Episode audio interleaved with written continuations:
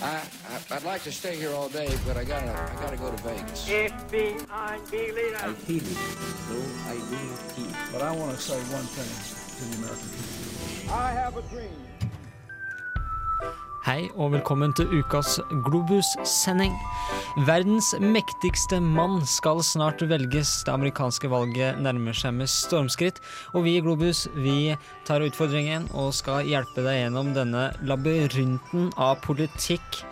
Eh, kritikk og generelt hat som utespiller seg over eh, på det amerikanske kontinentet. Håper du følger med oss resten av sendinga.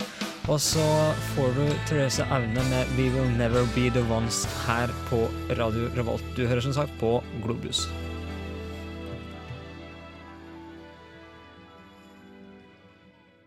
We will never be the ones one, oh, ones?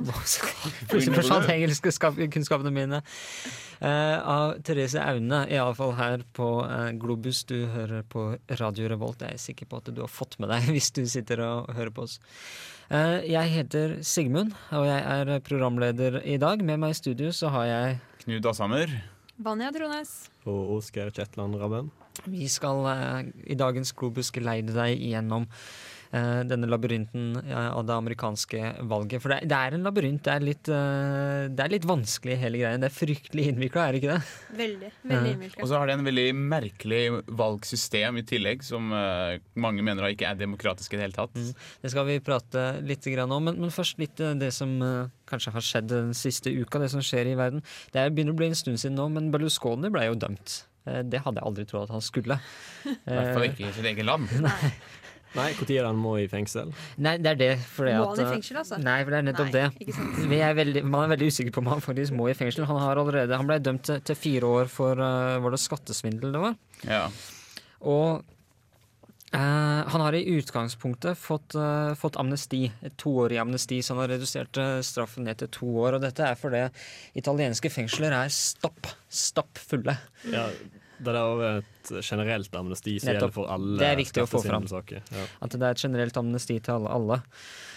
Eh, på, på grunn av at eh, Italia ikke har råd til å uh, ha flere fengsler eller øke fengselsplasser. Uh, og så I tillegg til det så er det diverse ankeinstanser, diverse andre ting som skal gjennom. Som man skal gjennom, Så det er ikke sikkert han kan han blir frikjent seinere. og utover det så er det sånn at når han da om kanskje seks, syv, åtte, ni, ti år, når alt sammen er ferdig, alle rettsrundene er ferdig, så kan hende han er for gammel til å gå i fengsel. ja, Da er han jo langt opp i 80-årsalderen. Ikke sant? Og da, det er det mulig han får generelt amnesti. Så det er det, det godeste Berlusconi satser på. Da. Nå får vi se om det, det, En ting som er interessant, er at det kan føre til at han ikke eh, får den eh, Altså kommer tilbake i italiensk politikk, sånn som han kanskje tenkte at han skulle. Ja, da prosjektet har han jo allerede lagt på is. Nå Sist uke så sa han at han ikke kommer til å stille som statsministerkandidat eh, likevel, selv om han ganske nylig sa at han kom til å gjøre det. Og partiet hans eh, gikk òg på en liten smell her i eh, lokalvalget som var i en del av Italia nå sist uke, så det ser ikke så lyst ut på den fronten for tida. Nei. Nei, men hvordan, det, hvordan kan det se lyst ut helt tatt for han sånn på politiske fronten? For det italienske folket er vel ikke akkurat så særlig eh, de, de trofaste til han nå. med det at den, Mange mener jo at han har frarøvet én til to generasjoner uh, unge studenter til å helt tatt komme inn i arbeid, jobb og utdanning. Og inntekt, ikke minst.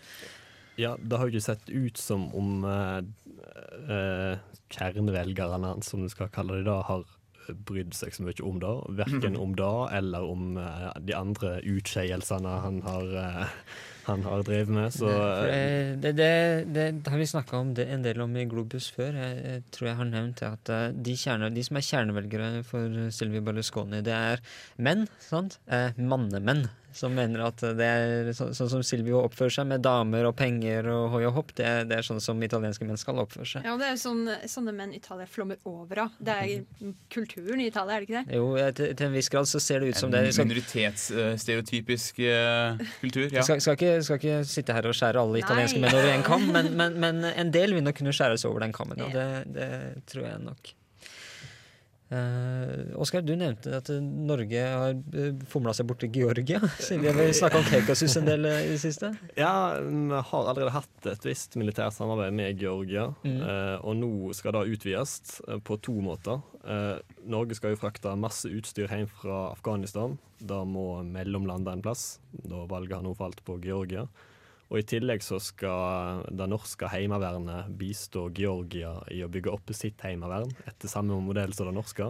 Oi. Så da, eh, da gjenstår det å se hva Russland sier til at eh, vi som Russland sitt naboland begynner å eh, ha knytte et tettere bånd til en av Russland sine største fiender. Eller iallfall er Russland en av Georgia sine største fiender.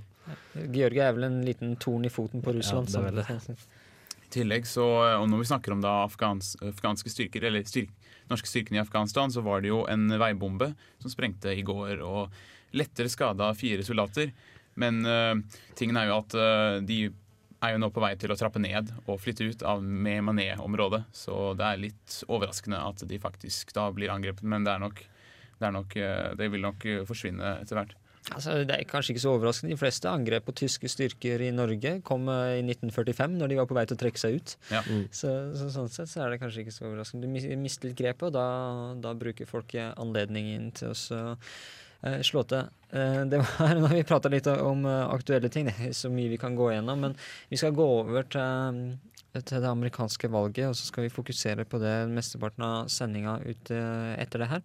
Først så får du Mumford Sons med Babel. Engelsk folkrock. Det er Mumford Sons Radio Revolt.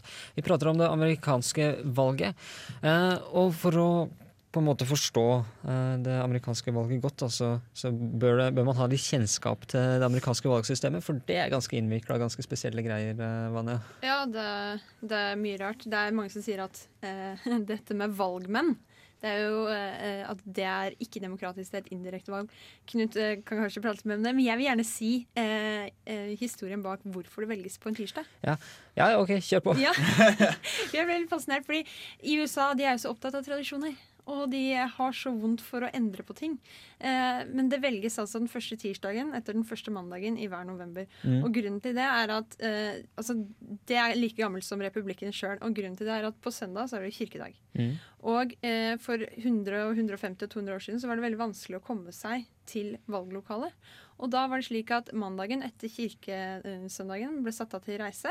Og så stemte man, da kom man fram på tirsdagen, og da fikk man stemme. Og sånn er det fortsatt i dag. Ja, Ja. Var så, ikke noe mer. så, så, så det var fra den tida hvor folk ikke kunne fly og sånn, da hvor de liksom måtte komme seg til valglokalet? Ja. Så det som skjer nå, er at de tar en dag fri, siden de kan komme seg mye raskere til valglokalet. Nei. Nei, vi tar fri på mandag. Nei, det, det er faktisk ja, Tar de seg fri på mandag? For det er ikke fri er på ikke selve fri. valgdagen. Nei, det er ikke noe. Og grunnen til at eh, det velges i november, er at det var tradisjonelt en dag uten mye arbeid på gårdene, og det var lite snø, så det var lett å komme seg. Mm. For at, eh, i de, de fleste eh, demokratiske land så er det faktisk fri på valgdagen. Da, Ja. da går man og velger. ikke sant? Det er din Mm. borgerplikt, og det er en del av arbeidet. Men USA er veldig spesielle i den forstand at de har ikke fri. Nei, Så du, du kan ende opp med at du ikke får fri fra jobb for å stemme. Ja, vi har jo akkurat det samme i Norge. Eh, Norge og USA er to av de landene som faktisk av og til blir kritisert for å eh, ikke gi borgerne sine muligheten til å stemme hvis de eh, da skulle være opptatt med arbeid i landet. Ikke sant? Og det, det er kommet Det er folk som mener at det å gi fri på valgdagen, det vil kanskje øke, folks, altså øke valgoppslutningen. Da. Mm. Det er også noe USA har uh, slitt med. Det er, uh, finnes uh, altså amerikanske valgforskere som sier de er flaue. Ja, for det er jo lav valgdeltakelse i Fry, USA. fryktelig lav valgdeltakelse ja. i USA. Det er noen ganger sånn spesielle valg at det er uh, Men de er nede på 40 I enkelte tilfeller, ja. Ja. Presidentvalget har jo relativt høy valgdeltakelse, men du skal velge uh, sånn senatorer eller eh, Ja. kongressmenn. Eller utenfor, eller for den saks skyld guvernører og, og folk, Ja. folk til eh, statssenatet. Da vil eh, valgdeltakelsen bli fryktelig fryktelig lav med en gang. Ja, for dette vil jo da øke den her vipperisikoen da, i Mm. vippestater. Når jo færre som er frie velgere, som, og utenom de lojale, og de færre av dem, så er det jo større sjanse for at noe drastisk vil skje med Mm. disse få stemmene. Ikke sant? Vi snakka om, eh, om eh, valgmenn eh, tidligere. Er det Noen av dere som, som vet nøyaktig hvordan det systemet fungerer? Det er vel bedre om du forklarer det, hvis du vet veldig godt. Altså, det, det, er- sånn at uh, istedenfor å velge direkte sin representant, så velger hver stat et visst antall Altså hver, hver stat sender et visst antall valgmenn som er basert på folketallet eh, i den staten. Så en stat, hvis en stat blir valgt, vunnet av Barack Obama, så får han da alle valgmenn eh, fra den eh, staten. Og det gjelder derfor å velge eh, vinne stater som har, har mange, veldig mange valgmenn. Du kan se eh, på antall stater som blir vunnet, så vinner faktisk republikanerne jevnt over mange flere stater enn det demokratene gjør. Men eh, demokratene vinner stater som New York og California. Som, eh, det nytter ikke å, å være republikaner og stille altså, eh, prøve å vinne i California, f.eks. Eh, når Arnold, Arnold Schwarzenegger vant eh, guvernørskipet der, så var det en fluke, eh, har jeg hørt. Så det gjør at eh, selv om eh, demokratene har mange færre stater, så har de, har de flere valgmenn pga. innbyggertall. Men, men er det sånn at uh, alle disse valgmennene må stemme sitt parti, eller er det, sånn- kan alle stemme noe, forskjell, noe forskjellig? Altså, det er vel eh, ak akkurat hvordan, hvordan, hva de valgmennene stemmer, det tror jeg ikke det er noen grenser på. Det er vel litt av det som er sikkerheten i det også. I den forstand at hvis det kommer en gærning, så skal valgmennene kunne si at nei, vi, selv om folk stemte på han, så kan vi ikke ha han som president. Ja, Det var sånn det var tradisjonelt Mm. liksom, for, Mm. eh, for mange, mange år siden. Og det dette her kan føre til, er jo at uh, flertallet i befolkninga stemmer på én kandidat, men så er ikke, skal du si, valgmannsfordelinga finmaska nok til at systemet greier å oppfatte det, Mm. og at en annen kandidat likevel vinner valget. Mm. Som f.eks. da i 2000, når eh, Bush sto eh, Al Gore, selv om Al Gore fikk flere stemmer enn Bush. Mm. Eh, og eh, en ting til når det gjelder, når det gjelder da å vinne en hel stat. Det er jo et par stater som er unntak fra den regelen, blant annet Nevada. Og Nevada Maine, er det vel. Mm. Og eh, derfor har jo Obama nå lagt inn en liten turné i eh, Nevada, blant annet, for å prøve å sikre seg iallfall ei valgmannsstemme derifra. Mm. Ja, fordi at eh, med, denne, med et systemet så kan man kanskje kalle at hvorfor ikke det kan kalles et demokratisk system for noen, er at på en måte det promoterer aristokrati, da, siden du har disse her elitefolkene som mener at eh, denne personen eller denne personen ikke er bra nok for landet, selv om mobben da synes at eh, denne personen er bra nok. Så de kan jo avskrefte folk. Ja, på en måte, men det skjer vel heller veldig sjelden at de valgmennene gjør noe, noe annet enn det, enn det velgerne har eh, gjort. Ja. 158 ganger har det skjedd. okay. har Så, så en del ganger, da. Ja. Og spesielt på et land som er 200 år gammelt. Ja. ja, men i løpet av historien 158 ganger. Oi, Ja. det, det var mye mer enn Det jeg var trodde. litt flere Ja. prosenthaldeler, ja. Tror ikke det skjer denne gangen. Nei. Eh, så en liten siste ting om, eh, om dette valgmannssystemet. Det fører jo uh, til uh, som sagt at man Presidentene fokuserer på noen enkeltstater. For eksempel så er Ohio med eh, 18 valgmenn, ganske stor andel valgmenn, eh, blitt eh, altså bombardert av politiske reklamer og nyhetsoppslag og generelt eh, campaign-virksomhet, nettopp fordi at eh, det er noen få stater som er såkalte vippestater, som kan gå begge veier, hvor det er mange independents. Da. Eh, og det gjør at eh, eh, enkelte stater, uh, sånn som f.eks. California, som er veldig klart demokratisk, eh, eller Texas, som er veldig klart republikansk, eh, de, vil ikke få, de vil knapt merke at det er en valgkamp gående. For det er ingen som gidder å drive valgkamp der. For Demokratene vet at de aldri kan vinne Texas. Republikanerne vet at de aldri kan vinne California, så derfor så bruker de ingen penger der. Eh, det, det er ganske artig. Så det er altså en, en relativt liten del av den amerikanske befolkningen som faktisk avgjør, avgjør valget. Og apropos penger, det er eh, nå oppe i nesten 1 milliard dollar eh, brukt på reklamekampanjer fra begge leirene eh, siden eh, starten i fjor ish. Ja, og hele, hele kampanjen fra begge leirene har faktisk eh, begynt å komme over to milliarder eh, Det må dollar. vel være en rekord? Nei. Jeg tror det er 2,6 at de har brukt nå. Den, Oi. altså, det er nesten tre. Men rekorden er fra 2008, eh, tror jeg, og da brukte de eh, 2,8 milliarder til sammen. Begge, begge leirer. 2,8 milliarder dollar. Kan du sette det i perspektiv, så kan du tenke på at eh, Disney akkurat kjøpte Lucas Arts, altså Star Mm. Wars-franchisen. er utrolig mye verdt for, for 4, milliarder dollar. Tenk hvis de hadde greid å bruke disse 2,8 milliardene til eh, velferdsstaten. Da hadde dere kanskje gjort en forandring. Jeg hadde iallfall hjulpet litt, men tenk på at amerikansk budsjett er også veldig stort. da. Ja. Så eh, nå har vi prata fryktelig mye. Eh, eh, vi, skal, vi skal høre Cat Power med Sound Machine. Du hører på Globus, og vi prater om det amerikanske valget. Eh, sentralt eh, i det amerikanske valget så er eh, media. De har en helt, helt sentral rolle. Du kan tenke deg hvordan det hadde vært hvis amerikanske presidenter ikke kunne retta seg til f.eks. TV. De hadde måttet reise rundt og stå på stand og stå på valgmøter og bruke mesteparten av tida si på det. Kanskje hadde vi fått en mer sivilisert valgkamp, til og med. Ja, det var jo sånn det foregikk før, med, da de reiste på togturneer, de ulike presidentkandidatene. De eh, tok toget til en eh, øde landsby ute på prærien. Sto der foran eh, 20-25 tilskuere i en- et kvarter, reiste videre. Fikk et lite bilde i den lokale avisa. Ja, muligens rakk de kanskje å ta, holde en eh, 10-15 taler i løpet av en dag. Mm. Mens nå så når de fram til millioner samtidig eh, gjennom debatter og gjennom ikke minst politisk reklame. Mm. Og mm, politiske TV-reklamer er jo lov i USA. Det er ikke lov i Norge. Nei.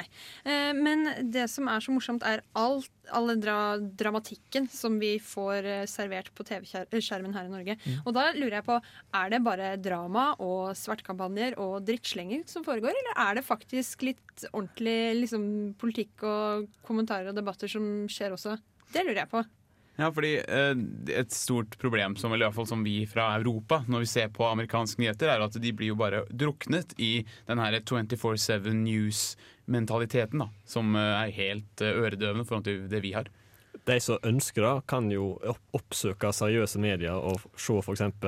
Debattene mellom Obama og Romney på halvannen time uten reklameavbrekk, mens eh, de som ikke er fullt så bevisste og ikke, ikke vet hvor de skal finne den slags, kanskje, som eh, bare setter seg ned og ser på Fox, Fox News, News, eller ja. hva, hva som helst, de møter jo en helt annen virkelighet. Eh, Det, det som er, er at media i USA er i mye større grad kommersialisert. Ikke sant? I Norge så er vi vant med å kalle media for Eller aviser, TV-stasjoner, og sånne ting. Vaktbikkjer. ikke sant? De avdekker forhold eh, i offentlig og privat sektor osv. osv. Men i USA så er det jo noe helt annet. fordi det som selger, er jo ikke gravende journalistikk. Det, er, det som selger, er avsløringer og wow og utryting og svertekampanjer, som jeg har sagt fire ganger nå. Sånn at jeg, eh, jeg har lagd en liten sak på det, og jeg har kommet fram til at i USA så er media eh, nasjonens drittbikkjer. Vi skal høre på det, så det skal bli interessant. Vi skal Ja. diskutere det når vi har hørt på, hørt på Vanias sak også. Presidentvalget i USA er i likhet med jula over på noen få dager. Og i likhet med jula er det også jubling, takking, klemming, nedturer og grining før alle sovner med et glass uspesifisert drikke i hånda. I am proud to introduce to you the next President of the United States of America, Mitt Romney. Men også i likhet med jula starter presidentvalget med stor S, S for sirkus, så alt for tidlig. Allerede ett år i forveien starter det. Sirkus, altså. Good morning, everyone. Today is Tuesday. It is September 11th, 2012. I'm Gretchen Carlson. Thanks so much for sharing part of your day with us. Hvorfor er det slik at resten av verden er så ufattelig opptatt av dette sirkuset? Hvordan orker vi dag ut og dag inn med oppgulp av meninger, kommentarer, statistikker, intervjuer, analyser og avsløringer? Ikke vet jeg, jeg bryr meg ikke ett gram om det. Jeg har nemlig funnet ut at amerikanske medier ikke er nasjonens vaktbikkjer slik vi er kjent med i Norge. I USA er de nasjonens drittbikkjer. De er bikkjer som driter i hagen til folk. De er katapulter som politikerne fyller med sverte før de finsikter på den andre skyttergraven. Right to do that, and I don't think there's any way he could do it other than tax me Well- to death, which he probably will. Og du vet aldri hva drittbikkjene spiste til middag dagen før. 11 years ago, after the attack on America, the president calls for a moment of silence, but he does not call for the word God. So some people are asking, why is God being left out? So do you think President Obama's a socialist? Sure, of course he is. Uh, So I'm wrong, He and you, wants- you and Rush Limbaugh are right. That I, I guess. he's a flat-out socialist. If he could, he'd take your house, because that's what socialists do. Plutselig kan det komme ting flyvende fra tribunene også. If Barack Obama opens up and gives his college records and applications, and if he gives his passport applications and records, I will give to a charity of his choice inner city children in Chicago, American Cancer Society, AIDS research, anything he wants, a check immediately for $5 million. Dessuten har jeg funnet ut at i USA der kan man bare finne på noe og si at det er fakta. I mean, I, they run the government where I live like a fascist would run it. They tell you what you can and can't do, how long, how the lawn can be has to be cut a certain way, this and that. Drit i politikken. Fiks deg noe popkorn og slå sammen sovesofaen. Look, what I, and I want to come back to this because this is very, very important for my audience because they respect you, Mr. Speaker. They respect what you say.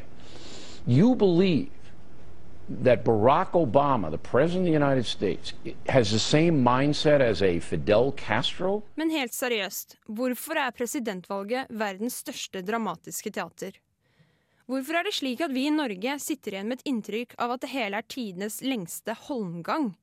Med to menn som slåss med hver sin klubbe, nakne, blottet for sine kostymer, avkledd av media, plagg for plagg, flause for flause, løgn for løgn.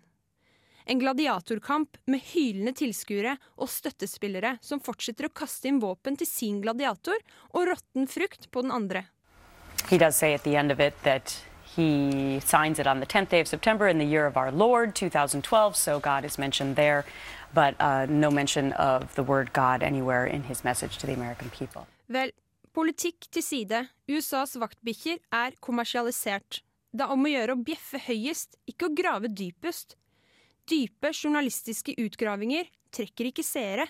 Og når bikkjene som skal holde vakt er blitt udresserte drittbikkjer, står vi igjen med to menn som har danset i skuddlinjen i lang tid. Og amerikanerne, de må velge den det lukter minst dritt av. Chris Martin, 'Every Single Fault'. Vi prater om eh, media her på Globus, eller vi snakker om den amerikanske valgkampen. Nå, nå har vi gått over til den amerikanske mediaen, for de har jo en helt, helt uh, sentral rolle i uh, den amerikanske valgkampen. Og Vanja, du mener at de er blitt en, ikke en vaktbikkje, men en drittbikkje? Ja, de, istedenfor å grave, så driter de på folk. Mm. For å si det sånn som det er, sånn jeg føler det, som en Mm. nordmann. En gjengs nordmann. Mm. Eh, og, og media de har jo, altså hvis du skal gå, på, eh, gå helt til bånn til demokratisk teori, og sånn, så har de jo et, eh, et visst demokratisk ansvar i den forstand at de skal opplyse. sånt.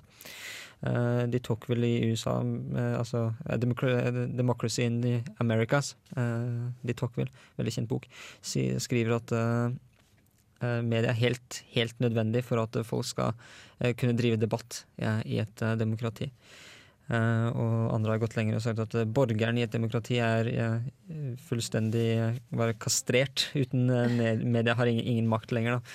Eh, men det er kanskje det som er med det amerikanske media, at de er blitt så kommersialiserte at Mm. de, det hele tida er eh, et jag etter velgere, og det vil antageligvis gå utover kvaliteten, og har vel gått utover kvaliteten uh, etter hvert.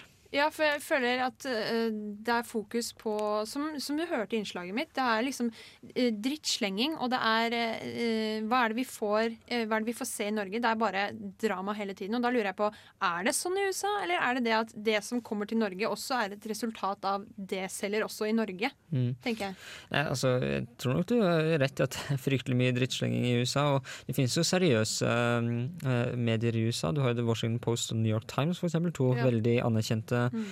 aviser. CNN er en anerkjent eh, mediekanal, selv om de fokuserer en del på det som er sensasjonelle, det òg.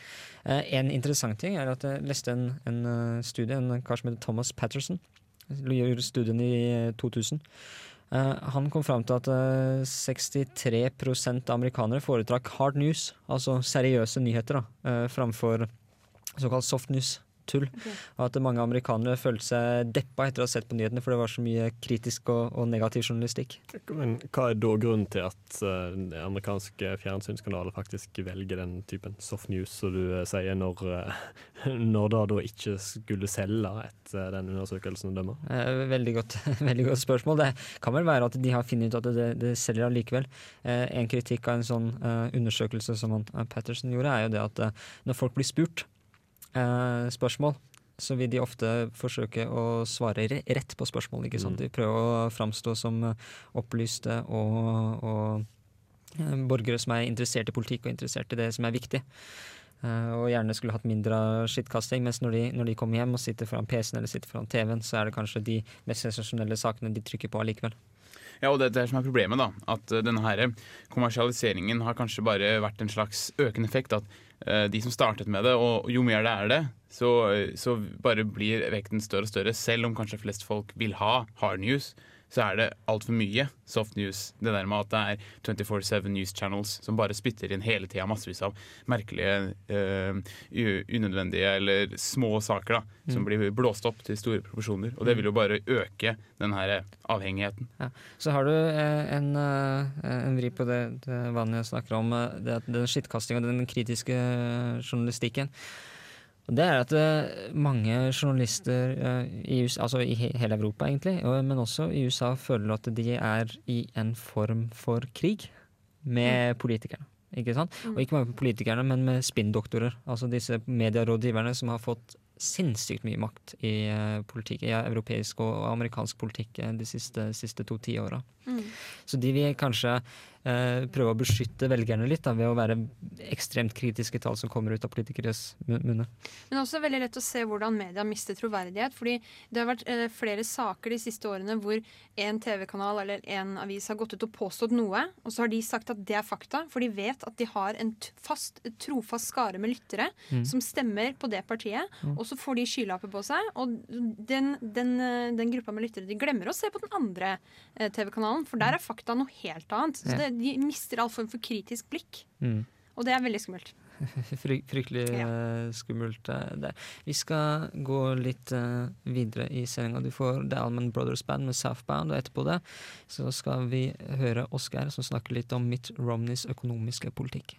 If I'm elected president of these United States, I will work with all my energy and soul to restore that America, to lift our eyes to a better future. That future is our destiny.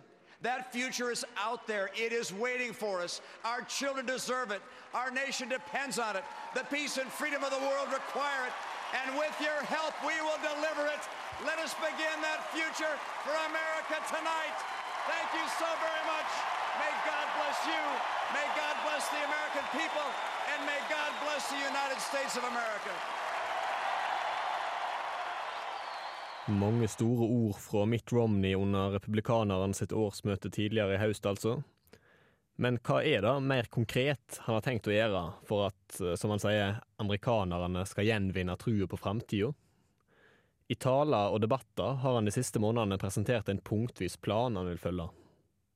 Paul Ryan and I have five steps.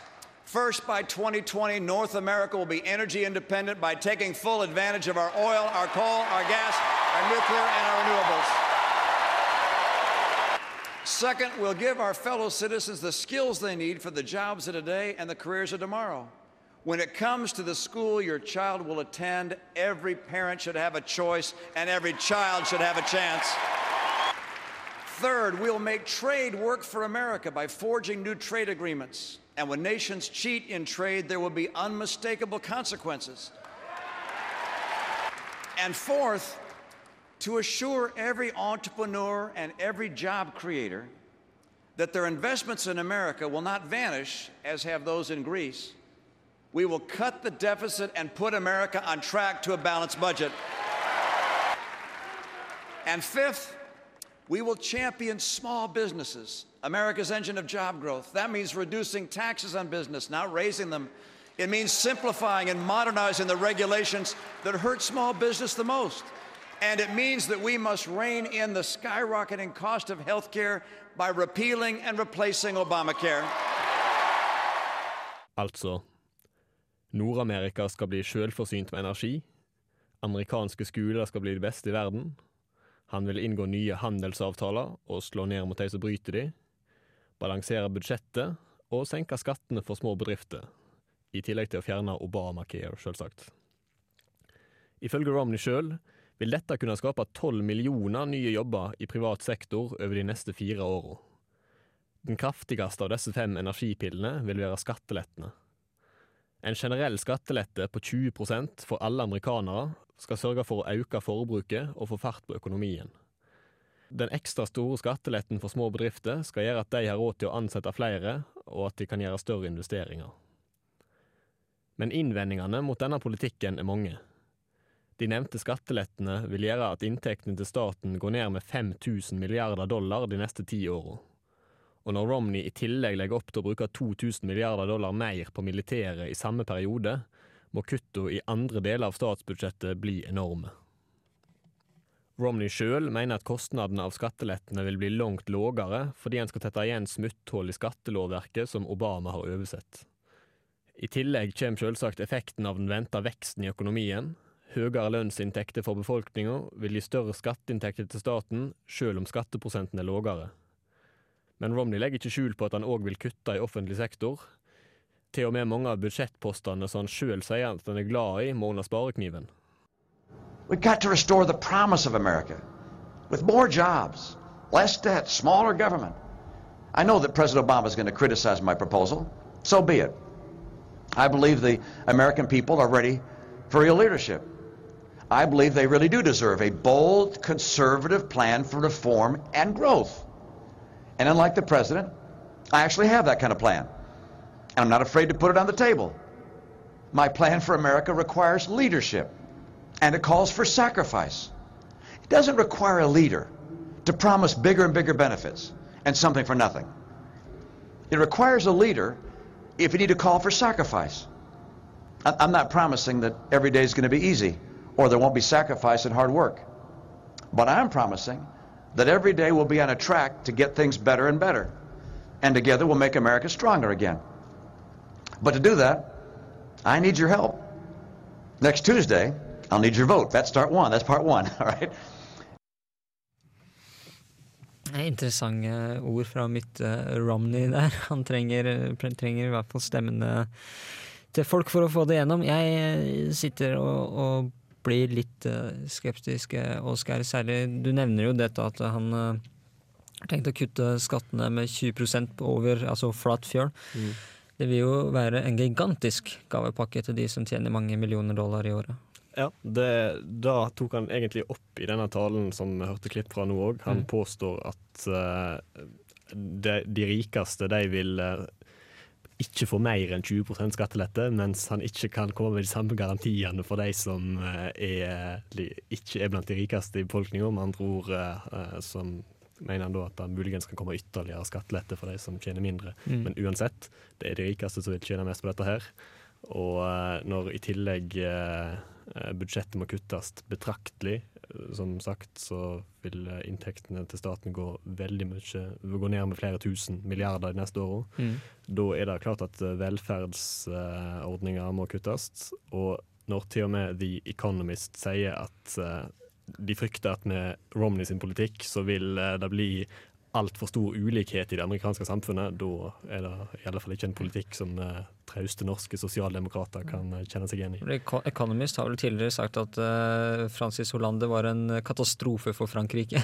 På grunn av Ja, den sosiale de, eh, politikken fører. De, de- de er ikke de mest sosialdemokratiske ute der. Nei, det er vel eh, blant de mest uh, liberalistiske du finner av Mm. eh, avisredaksjoner i Europa. Ja, det er også, man blir jo litt skeptisk til å tenke hvordan skal eh, Romney greie å ta tilbake alle disse her eh, pengene som da forsvinner i skattelette, og når han da skal øke militærbudsjettet igjen, som de Ja, pleier å gjøre. Da er jo kanskje det mest tvilsomme punktet her når det gjelder bærekraft i budsjettet. Ja. For uh, han eh, mener jo at han har en plan, uh, en helhetlig plan for å dekke inn igjen uh, skattelettene, men når han skal bruke 2000 milliarder ekstra på militæret uten at militæret ber om det, som Obama pleier å si, Mm. så uh, er, har han jo ingen, uh, ingen eh, tilsvarende utvei å, å dekke inn igjen da, de utgiftene på.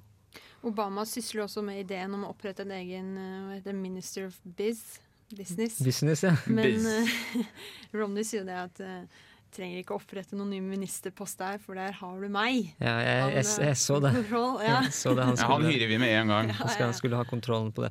Uh, ja, han har iallfall vært flink til å tjene penger til seg sjøl, det skal han ha. Men han uh, Jeg vet ikke hvordan uh, Hvor flink kan vi være til å tjene penger til stat? For det er ganske mange andre, andre aspekter. Og han, eh, en ting man må tenke på, er at statens utgifter vil jo gå ned med ved å, å redusere offentlig eh, sektor. Det er riktig, men så må du legge på eh, de skatteinntektene som forsvinner ved at eh, og folk i offentlig for- sektor får sparken, og så kan du legge på eh, de eventuelle kostnadene det vil være for det amerikanske samfunnet å ha så mange tusen mennesker gående rundt eh, arbeidsledige, og så er jeg litt usikker på om det regnestykket faktisk vil gå opp i, i Mitt Romneys favør.